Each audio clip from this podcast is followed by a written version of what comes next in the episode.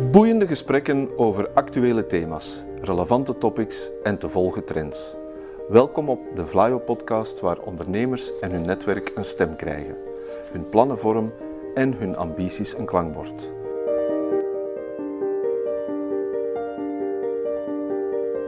To the point waar het kan, dieper gravend waar het moet. Inspirerend, informerend, ondersteunend. Van artificial intelligence, blockchain en circulaire economie tot digitale zorg. Wij knopen het in jouw oren.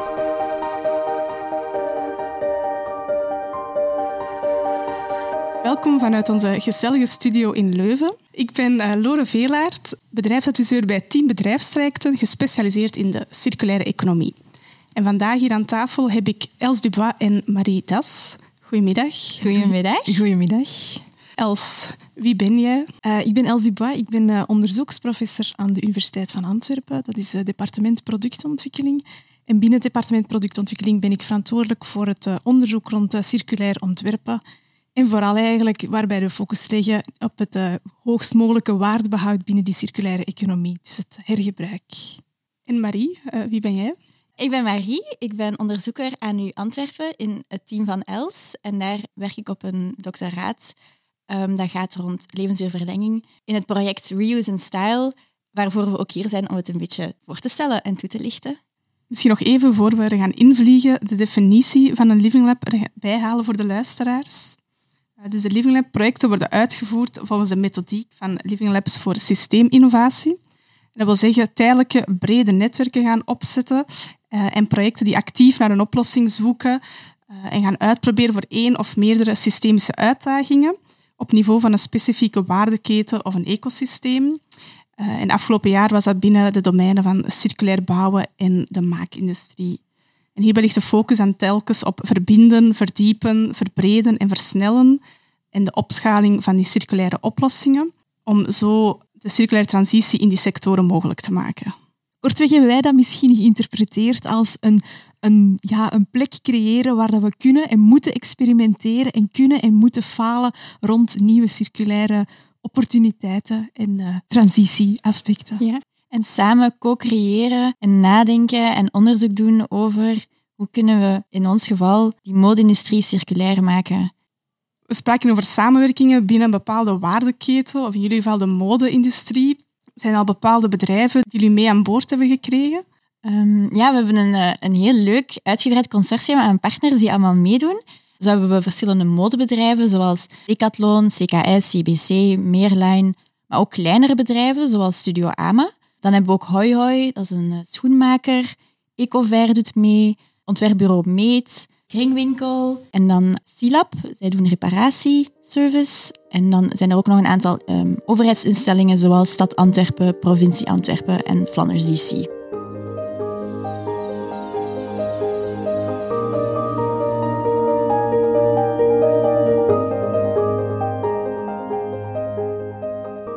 Met het Reuse Lab focussen jullie op verschillende sectoren. Um, vanwaar de keuze uh, voor de modesector ligt misschien niet zo voor de hand uh, voor jullie als productontwikkelaars? Nee, klopt. De mode-industrie is een heel complexe industrie dat heel hard draait rond individualiteit en persoonlijkheid. Dat zie je in het eerste geval al in dat kleding eigenlijk een medium is om eh, persoonlijkheid uit te drukken en, en hoe dat je zijt en om creatief te zijn en uniek te willen zijn. Maar anderzijds ook een industrie is die heel erg draait rond trends en iedereen eigenlijk pusht in één richting. Want als je niet binnen die trends valt, ben je out of fashion. Um, dus het is daar een beetje een, een tweestrijd dat daarin ligt. En dat merken we heel veel, op heel veel vlakken, zoals die kwaliteitsperceptie, dat heel persoonlijk is. Iedereen vat kwaliteit op een andere manier op. Maar ook duurzaamheid in die mode is een heel complexe, want er zijn heel veel aspecten. Je hebt het, ethische, je hebt het ecologische, maar ook transport, lokaal. Er zijn heel veel, heel veel aspecten in. En dat is ook iets heel persoonlijk. Iedereen beleeft dat op een andere manier. Wasprocessen, ook iets heel persoonlijk. Dus eigenlijk, ja, heel die mode-industrie is heel individueel. En dat is eigenlijk uniek aan, aan die sectoren dat je niet echt ziet in andere sectoren. Ja, het is eigenlijk die complexiteit die ons eigenlijk wel aangetrokken heeft om hier in het Living Lab expliciet te gaan experimenteren binnen die mode-industrie. Om dat hergebruik niet zo eenvoudig is. En heel veel persoonlijke aspecten, zoals Marie zei, naar boven komen waar dat we allemaal rekening mee moeten houden. En dat net onderzoeken, ja, dat, dat doen wij graag vanuit de universiteit. Ja, dat zijn heel interessante dingen en daar heel interessante inzichten gaan uitkomen. Wat zijn zo de belangrijkste pijlers of eh, de belangrijkste punten in de aanpak van jullie lab? Trius Lab heeft als doel om eigenlijk eh, de bedrijfswereld eh, mee te ondersteunen in heel die transitie naar die circulaire economie. Want we zien dat dat alles behalve evident is om die transitie te maken. En we zien dat er eigenlijk heel veel kennis nog nodig is om die grote stappen te zetten die er moeten gezet worden. Vanuit het Trius Lab kijken we naar hoe kunnen we bedrijven de nodige kennis geven, cross-sectorieel, om eigenlijk ja, hun te helpen in die experimenten, in al die stappen die er moeten gezet worden. We doen dat met heel veel verschillende projecten, dus eh, projecten in verschillende sectoren. En net om die uitdagingen van de ene sector te kunnen gaan overplaatsen naar andere sectoren. We zitten met projecten in de, in de voedingssector, voedingsverpakkingen, is heel veel single-use nog. Maar ook in de medische sector eh, ontstaat er heel veel afval eh, voor operaties, maar ook bij chemische labo's heel veel afval. En we proberen vanuit al die verschillende perspectieven te gaan kijken hoe kunnen we die transitie inzetten en die wegwerpproducten ja, gaan wegdenken en wegdesignen en gaan vervangen door herbruikbare producten en, en hele systemen die daarvoor nodig zijn. En zo ook voor het, uh, voor het Living Lab project. Uh, dat is ook uh, een van de projecten van het Reuse Lab, waarbij we onze focus leggen op de modesector. Reuse in Style draait eigenlijk rond levensduurverlenging van kleding. En dat steunt eigenlijk op twee pijlers. Dus we hebben enerzijds het kwalitatief product. Dat kijkt vanuit de aankoop, wat dan opgesplitst is in, twee werkpakketten, waar draait rond kwaliteitsperceptie. Hoe perciperen mensen kwaliteit? Hoe herkennen ze kwaliteit? En hoe kan een kwalitatief product voor die gebruiker aanzetten tot langer gebruik van een kleding? Um, dan hebben we anderzijds ook nog die perceptie van oude en gedragen kledij. En hoe kunnen we het aanzetten van bijvoorbeeld koppen van tweedehands verhogen door een emotionele band, door die emotionele waarde. Een voorbeeld bijvoorbeeld is, is als je een kledingstuk in de winkel zou zien hangen waarbij staat van oh, met deze bergschoenen heb ik de Mount Everest beklommen of zo. Allee, dat, geeft meteen een heel ander beeld dan een gewoon twee paar gedragen schoenen dat daar staat. Anderzijds gaan we kijken naar kwalitatief gebruik. Um, dus hoe gaan mensen hun kleding gebruiken en hoe kunnen we daar interventies vinden om die levensduurverlenging te creëren. Daar focussen we op enerzijds het onderhoud, hoe dat mensen hun kleding wassen, gaan ecologischer maken, maar anderzijds ook reparaties. Kunnen mensen hun kleding sneller gaan laten repareren? Of, of gaan ze het zelf doen? Gaan ze het misschien door iemand laten doen?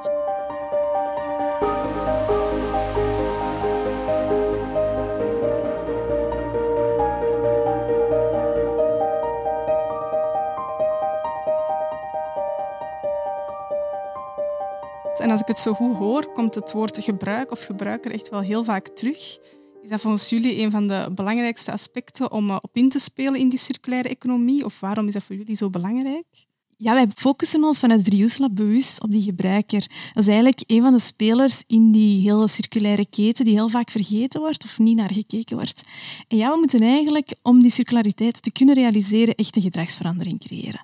En mensen hun gedrag veranderen, dat is echt een van de moeilijkste dingen om te realiseren. En dat is netgeen wat wij graag doen natuurlijk vanuit ons onderzoek, want daar zitten wel heel veel uitdagingen in om, om uh, te gaan realiseren. Uh, dus ja, wij kijken bewust naar hoe gebruiken mensen hun kleding hè, of, uh, of andere textielattributen, modeattributen. En hoe kunnen we gaan zorgen dat zij bewust die kleding ook langer willen gaan blijven gebruiken. En daar, zoals Marie daarnet al zei, heel hard voor gaan zorgen en gaan zorgen dat die zo optimaal mogelijk in de beste kwaliteitscondities blijven. We spreken hier vandaag over een Living Lab. En dat is een uh, typische methodiek of soort project waar dat we um, ja, echt naar oplossingen gaan zoeken en die gaan proberen uitproberen om die systemische uitdagingen in een bepaalde waardeketen te gaan aanpakken. Uh, waar we gaan verbinden, verdiepen, verbreden en versnellen voor die circulaire oplossingen te gaan opschalen. In jullie geval specifiek in de ja, textiel- of fashion-industrie, zal ik zeggen project is nu eh, begin dit jaar opgestart, dus jullie zijn nu nog eh, in volle opstartfase. Hebben jullie al concrete ideeën hoe dat jullie die gebruiker in een bepaald experiment zouden betrekken in zo'n proces? Um, we zijn nu vooral bezig met literatuurstudie en kijken waar zitten de gaps en wat, wat, onderzoek kunnen we doen. We hebben ook een heel uit, uitgebreid consortium aan, um, partners die meedoen. Een voorbeeldje bijvoorbeeld is om wat meer in te zoomen op die repair. Decathlon heeft nu al een, een reparatieservice en hun focus is eigenlijk, zij willen sport aanbieden voor iedereen. Wat vaak samen ligt met goedkope kledingproducten of, of goedkope sportartikelen, dan zien we ook dat goedkope dingen vaak niet gerepareerd worden, omdat het goedkoper is om het opnieuw te kopen dan te laten maken. Dus dat is een, een interessante piste die we willen, waarop we willen inzoomen om te kijken hoe kunnen we net wel die consumenten aanzetten om ook die goedkope dingen te laten repareren. Ehm, dus dat is wel iets wat we, wat we willen doen. En dan ook ja, met, met die gebruiker van wat zijn hun die drempels in kaart brengen van waarom willen ze dat niet laten repareren? Waarom gaan ze toch net iets nieuw kopen? Ja, een ander leuk voorbeeldje is misschien ook het project dat we willen doen rond onderhoud. Eigenlijk wassen wij onze kleding veel te vaak. En dat moet helemaal niet. Maar we zijn daar zo gewoon en we zijn daar zo mee opgevoed eigenlijk, dat we onze kleding heel vaak moeten wassen. En het is eigenlijk heel leuk dat we in dat project ook Ecover betrokken hebben. Dus eigenlijk iemand die, een bedrijf dat toch wel wasproducten produceert. Dus op zich zou je kunnen zeggen van dat Living Lab en in dat project en het experiment dat we doen, is eigenlijk tegen hun winkel.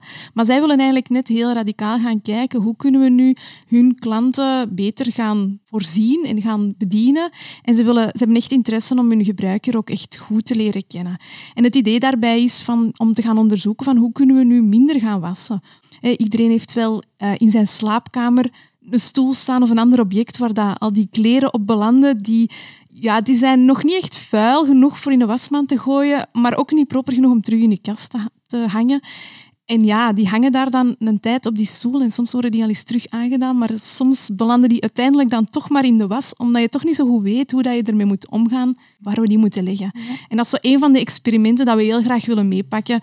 Ja, die, die stoel. En je ziet ook wel dat er heel veel dingen die op de markt komen, zoals een spray om je kleding te gaan verfrissen en zo. Maar dat is toch nog zo niet echt ingeburgerd of zo. En, en we willen wel echt graag in kaart brengen van hoe zijn nu die, die wasgewoontes, wat ook heel sterk verschilt per regio en per land. En in, in bepaalde landen wassen ze op hogere temperaturen, omdat ze denken dat dan, dat dan kleren echt proper zijn. En, terwijl ze eigenlijk in, in Europa of België vaker al kouder wassen. En wat eigenlijk ook ecologischer is, want daar heb je minder energie voor nodig.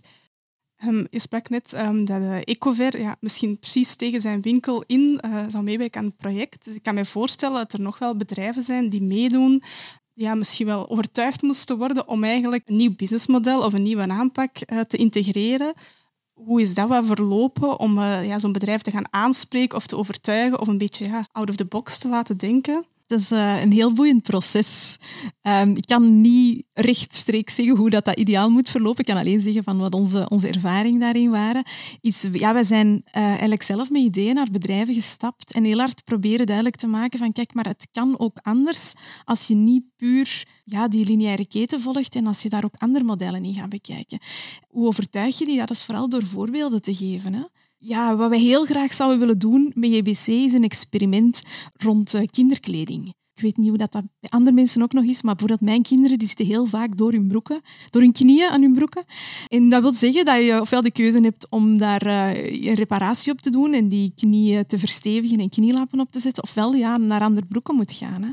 En ik denk dat er toch wel een heel grote opportuniteit zit voor bijvoorbeeld een JBC, om toch ook in te spelen op die reparatie van die broeken, om toch die levensduur van die broeken te verlengen. En ik denk dat dat op enorm leuke manieren kan gebeuren, dat we zelf in-store bepaalde handelingen of activiteiten gaan doen om die kinderen ook te betrekken en die bewustwording van die reparatie al heel vroeg in hun gedrag te steken en te zorgen dat ze het ook fijn vinden om dat samen in de winkel te gaan doen. Maar ik denk ook dat het wel leuk is om dan ook aan die bedrijven te tonen dat er ook andere verdienmodellen zijn die ook winstgevend kunnen zijn, zoals repair.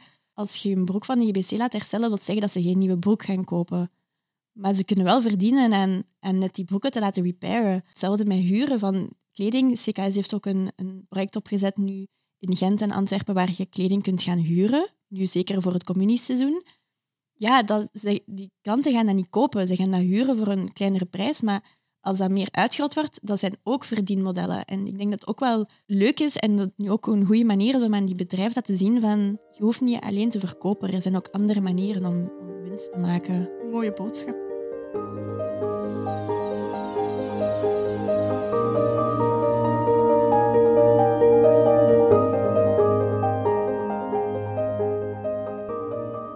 Zijn nu enkele maanden bezig en zoals je zei, hebt je de eerste fase uh, opgestart met het literatuuronderzoek om uh, de gaps te gaan zoeken. Zijn er bepaalde dingen boven water gekomen die heel interessant waren of die jullie misschien verrast hebben? Ja, zeker. Ehm, zeker rond repair, omdat we daar nu al wel wat over bezig zijn. Er zijn eigenlijk verschillende kledingartikelen en hoe, welke zich aanleunen tot het, het herstellen. En of je die dan gaat zichtbaar herstellen of onzichtbaar herstellen. In een onderzoek is uitgekomen dat eigenlijk het onzichtbaar herstellen het meest geprefereerde is door consumenten. Uh, want ze willen eigenlijk allemaal hun kleren zo goed als nieuw houden. Maar dan hebben ze ook gezien, als ze dan die mensen hun kleding gaan laten repareren, dat het vaak heel zichtbaar gerepareerd wordt. Omdat kennis om kleding onzichtbaar te repareren niet meer echt... Ja, dat is geen algemene kennis meer wat ik zo opvang, is inderdaad de kennis om te gaan repareren, bijvoorbeeld, um, dat die een beetje aan het verdwijnen is. Maar natuurlijk, in heel die circulaire transitie is dat wel een van de absolute must-haves. Dat we ook kunnen repareren, niet alleen willen repareren op termijn hopelijk, maar ook dat kunnen repareren. Uh, zien jullie daar bepaalde mogelijkheden of samenwerkingen die nodig zijn in heel die waardeketen om dat mogelijk te maken? Ja, dat is een hele opvallende. Hè? Dat klopt. Wat we vooral zien is eigenlijk reparatie dat dat uit twee delen bestaat. Dat is enerzijds foutdetectie, weten van wat is er nu eigenlijk mis. Is het mijn rits die helemaal kapot is in mijn jas of is het alleen het rits-schuivertje dat kapot is en vervangen moet worden? Die detectie is eigenlijk al heel belangrijk.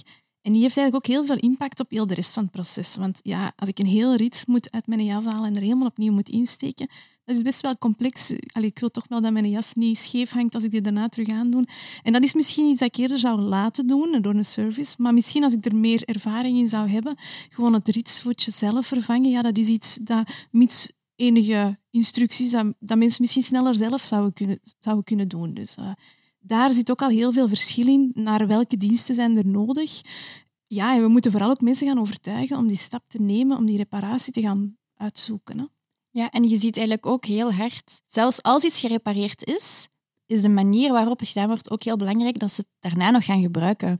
Bijvoorbeeld van mezelf, ik heb een, een broek gekocht, een tweedehandsbroek waar een scheur in zat en ik dacht, oh, ik ga die mijn zichtbare stitching, ga ik die borduren, dat ik die nog kan aandoen.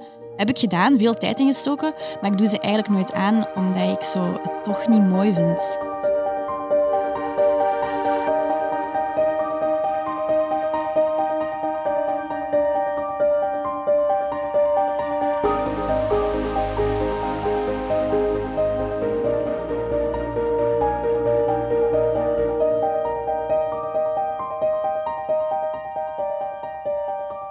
Nu een aantal keren gehad over reparatie. Dus als het fout gaat, hoe kunnen we het dan gaan oplossen? Um, maar natuurlijk, jullie zijn ontwerpers van achtergrond. Als we een beetje teruggaan naar een fase daarvoor, een hogere R-strategie, um, hoe kunnen we in het ontwerpproces daar misschien ook al uh, mee aan de slag gaan en misschien het voorkomen? Ja. ja, nee, klopt. We zien eigenlijk een systematische neergang van kwaliteit in kleding. Vroeger was de kleding veel kwalitatiever, ging er veel langer mee dan eigenlijk de kleding nu. En dat is ook waar dat die kwaliteitsperceptie zo hard meespeelt. Enerzijds, wat is kwaliteit? Hoe wordt kwaliteit objectief gezien? Maar ook, hoe perciperen mensen kwaliteit?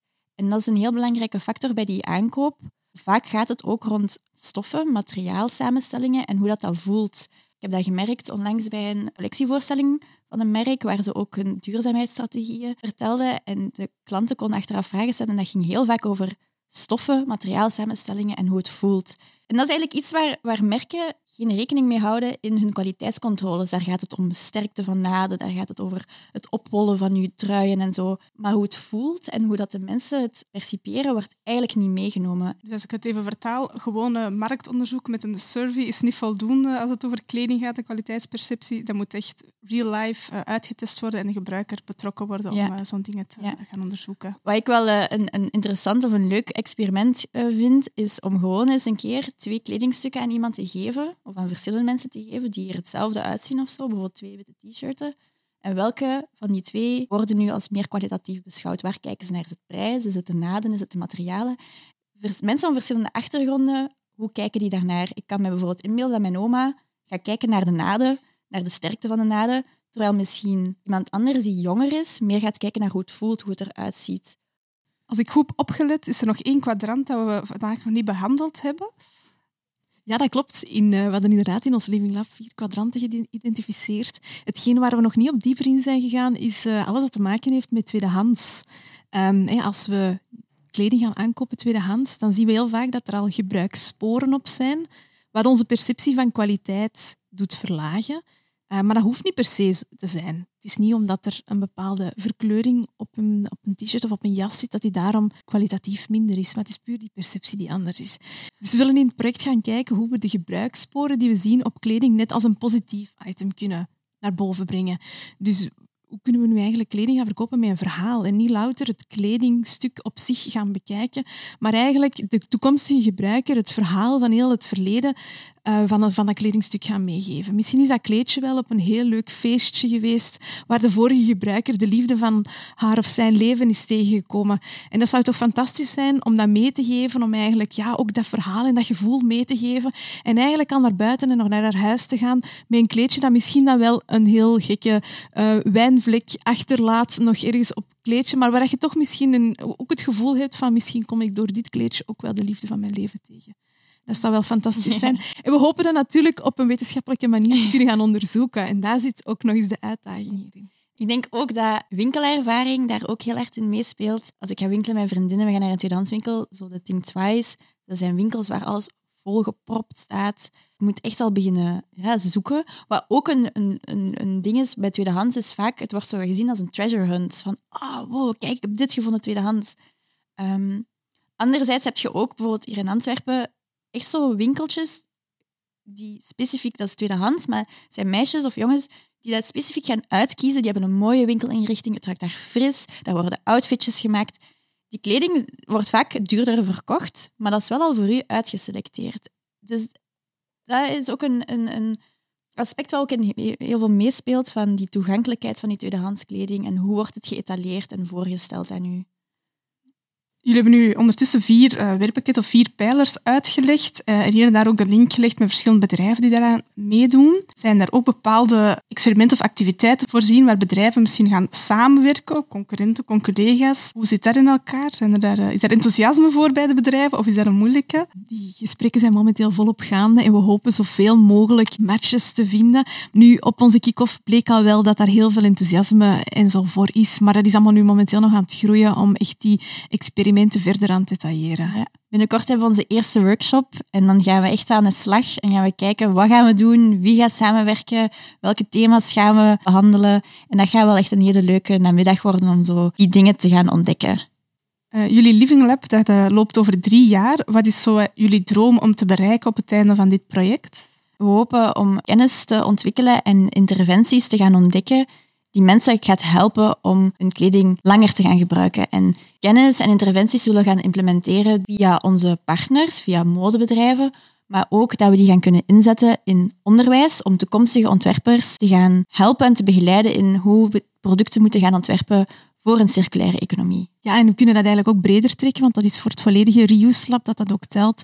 Ons doel is echt om een soort van kennisbank te creëren, een plek te maken waar dat iedereen die kennis zoekt over hoe dat ze nu die transitie naar circulariteit moeten gaan doen en welke valkuilen en welke opportuniteiten dat, ze, dat ze daarin kunnen vinden, dat ze al die kennis eigenlijk bij ons kunnen vinden en gaan toepassen op elk van de projecten. Dat is alvast een heel enthousiast en inspirerend verhaal, maar wat als er nu uh, luisteraars zijn die denken van wauw, uh, tof initiatief, ik wil ook wel uh, meekomen doen, meekomen luisteren of met jullie samenwerken. is dat nog mogelijk? Ja, absoluut, zeker. Ehm, we denken dat er nog heel veel te doen is in die circulaire economie en we willen absoluut met andere mensen die ook nog interesses of, of ideeën hebben of experimenten die ze misschien wel zouden willen overwegen, maar nog niet toegekomen zijn, daar willen we altijd mee in gesprek gaan, dus die mogen zeker ons contacteren via het Reuse om te gaan kijken van wat we kunnen doen naar samenwerkingen of al eens vast een eerste gesprek. Els en Marie, ik wil jullie graag bedanken om tot hier te komen in Leuven. Ik kijk alvast uit naar de resultaten van jullie Living Lab en uh, natuurlijk ook naar de nieuwe Living Labs die binnenkort gaan opstarten. Dankjewel voor de uitnodiging. Ja, dankjewel. Ik vond het ook heel fijn om tot hier te komen, om samen dit gesprek te voeren. En ik wil graag nog eindigen met een kleine tip. Ik zou graag iedereen eens willen uitnodigen om eens goed naar je kleerkast te kijken. En kijken naar al die kledingstukken die daar toch al wel heel lang uh, hangen en die toch ook nog wel het verdienen om een keer gedragen te worden.